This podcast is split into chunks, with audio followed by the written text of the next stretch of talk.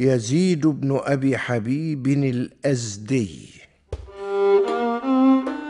دخل الإسلام مصر وانتشر بين أهلها إلا أنه لم يظهر فيها فقيه أو عالم يكلم عامة الناس ويفتيهم في أمور دنياهم ودينهم.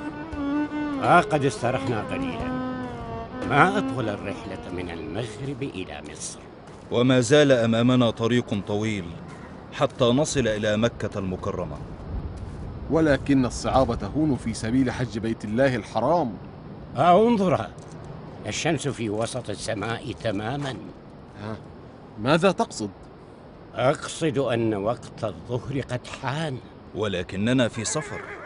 سنصلي الظهر مع العصر جمعا وقصرا. وينبغي أن نصليهما معا فعلا ولكن في وقت الظهر وليس في وقت العصر. من قال لكما هذا؟ لا أدري. لم لا تفعلان مثلي وتصليان كل صلاة في وقتها؟ ألم تسمع عن جمع الصلاة وقصرها إذا كنت مسافرا؟ لا أعلم بما تقول ولا أجد هنا عالما ليفتيني. إذا أردتم الاقتداء بالرسول صلى الله عليه وسلم فصلوا الظهر والعصر الآن وذلك يسمى جمع قصر وتقديم. ما هذا؟ من أنت؟ أنا يزيد وأعلم الرأي في المسألة التي تتناقشون فيها. بينما كنتم تتحدثون دخل وقت الظهر لذا من السنة أن تصلوا صلاة العصر مع صلاة الظهر في وقت صلاة الظهر. ويسمى ذلك جمع قصر وتقديم. وما دليلك؟ كان النبي صلى الله عليه وسلم في غزوة تبوك إذا تحرك قبل أن يدخل وقت الظهر أخر صلاة الظهر إلى أن يجمعها مع العصر فيصلي الظهر فالعصر في وقت العصر. ويسمى ذلك جمع قصر وتأخير. ما شاء الله. لم أعرف أن بمصر فقيها مثلك أيها الشاب. يا أخي إنما أنا طالب علم وأرى أن من تعلم علما صار واجبا عليه تبليغه إلى الناس. ها صاحبتكم السلامة وتقبل الله حجكم. انتظر إلى أين تذهب؟ آه، سأذهب إلى المسجد لأدرك صلاة الظهر. فلقد كنت في طريقي إلى هناك. نأتي معك اذا لنصلي ولتكن إمامنا في الصلاة. كان هذا هو يزيد بن حبيب الأزدي أول الفقهاء في مصر. ولد يزيد في خلافة معاوية بمدينة الفسطاط في مصر بعد عام خمسين من الهجرة. وتتلمذ على أيدي مجموعة من الصحابة وحفظ منهم حديث الرسول الكريم صلى الله عليه وسلم. وانطلق بعد ذلك يعلم الناس ما تعلمه إيمانا منه بأهمية العلم وثواب نشر المبادئ الصحيحة للإسلام. السلام عليكم يا عم. وعليكم السلام ورحمة الله وبركاته. تفضل يا يزيد. أرجو من الله أن يكون هذا العام عام خير عليك فأنت مخلص في عملك وزراعتك. إيه، يعلم الله يا يزيد أنني أبذل قصارى جهدي في الزراعة ولكنني أخشى أن يكون المحصول هذا العام كما كان في العام السابق. كنت معي. وتعرف أنني لم أقصر في حق الأرض. ولكن تلك الحشرة الغريبة التي ظهرت في الحقل قضت على كمية كبيرة من المحصول. ثم قضت الطيور على ما تبقى ولم يبقى شيء في إخافتها. ولما هجم الجراد لم أخسر كثيرا بسببه. لأنه لم يتبقى في الحقل شيء ليأكله لا تحزن يا عمرو. إنه اختبار وابتلاء من الله. يقول تعالى ولنبلونكم بشيء من الخوف والجوع ونقص من الأموال والأنفس والثمرات. وبشر الصابرين الذين إذا أصابتهم مصيبة قالوا إنا لله وإنا إليه راجعون. أولئك عليهم صلوات من ربهم ورحمة وأولئك هم المهتدون. بارك الله فيك يا يزيد. دائما ما تشجعني وتواسيني. ولكن لي سؤال. لم لا تعمل معنا في الزراعة؟ لقد نذرت نفسي للعلم يا عمرو فأنا لا أجد راحتي إلا فيه. أمر مهم أن تتعلم أمور دينك. على الأقل ألجأ إليك عندما تواجهني مسألة ما. كنت أريد أن أعرف منك أمرا يا عمرو ماذا تريد أن تعرف؟ هل تخرج زكاة عن زراعتك؟ وهل هناك زكاة عن الزراعة؟ بسم الله الرحمن الرحيم كلوا من ثمره إذا أثمر وآتوا حقه يوم حصاده و... وما مقدار تلك الزكاة؟ إذا كان الزرع يروى من دون مجهود منك فإن الزكاة الواجبة هي عشر المحصول لا كما ترى فأنا أستعمل هذه الساقية. يديرها هذا الحمار أغلب الوقت. وإذا مرض فإنني أديرها بنفسي. إذا فالزكاة الواجبة هي نصف العشر. يا لها من كمية قليلة. هل تظن أن السبب فيما حدث لي من مصائب سببه أنني لم أخرج الزكاة؟ الله وحده يعلم الحكمة. لا تفكر في الماضي بل انظر إلى المستقبل. وأخلص في عملك ولا تنس حق الله.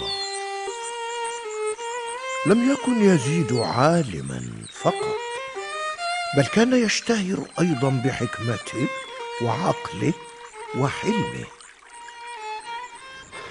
يا رجل تريد مني أن أحمل كل هذه الأحمال مقابل نصف درهم؟ معك حق ربع درهم يكفي. يا ناس! هل يرضيكم ما يقوله هذا الرجل ما الأمر؟ هل يمكن أن أعرف فأساعدكم؟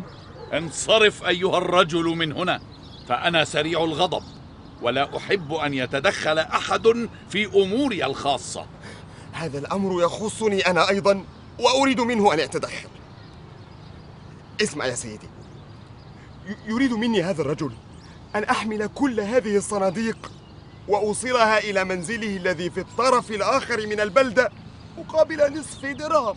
إذا لم يعجبك السعر فلا تحمل شيئا. وماذا عن المسافة التي قطعتها من السوق إلى هنا؟ ها؟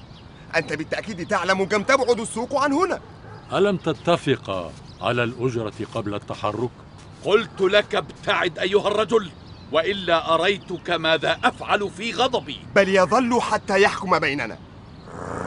سأقص عليك القصة من البداية. قابلني هذا الرجل. وكان معه صندوق واحد. وطلب مني أن أوصله إلى منزل أحد أصدقائه مقابل درهمين.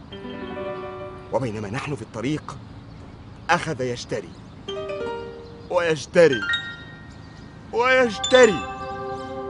ولما وصلنا إلى منزل صديقه لم يجده فطلب مني العودة إلى منزله وقال لي بما أن المسافة من السوق إلى منزلي أقل من المسافة من السوق إلى منزل صديقي فلن أعطيك نفس الأجرة التي اتفقنا عليها هل تصدق أن هناك من يستغل الناس بهذه الطريقة؟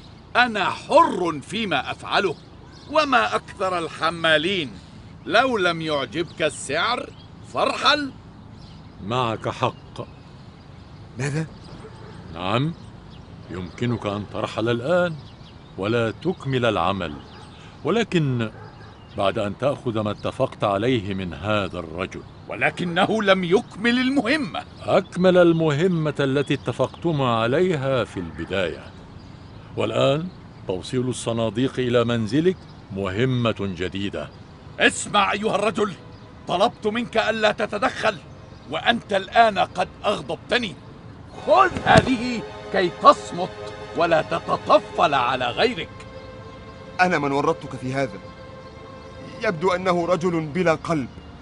لا تدخل في شجار معه. بالطبع لن أفعل. فالرسول عليه الصلاة والسلام قدوتي. ماذا تعني؟ يقول صلى الله عليه وسلم ليس الشديد بالسرعة إنما الشديد الذي يملك نفسه عند الغضب. فلن أثبت أنني أقوى بأن أصارعه فأغلبه بل أثبت أنني قوي بألا أغضب.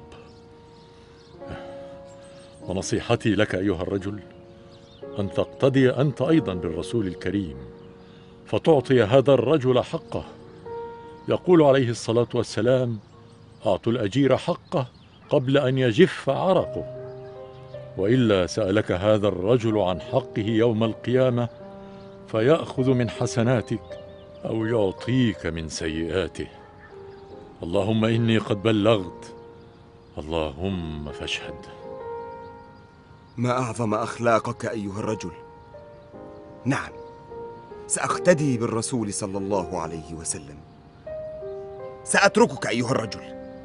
ليس ضعفا مني ولا استسلاما ولكن ليثيبني الله على صبري ويزيد من حسناتي. ماذا؟ لا لا لا انتظر انتظر أيها الحمال. تعال تعال خذ حقك أرجوك خذه وزيادة تعال تعال أرجوك. ظل يزيد بن أبي حبيب معلما وناصحا لا يبخل بعلمه على من يراه ويبذل النصيحة في كل وقت. يجتمع حوله طلاب العلم ليستفيدوا منه.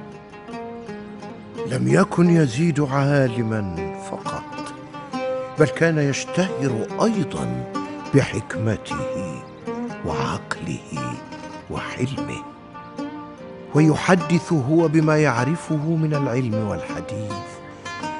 حتى توفاه الله سنة ثمان وعشرين ومائة وقد جاوز الخامسة والسبعين.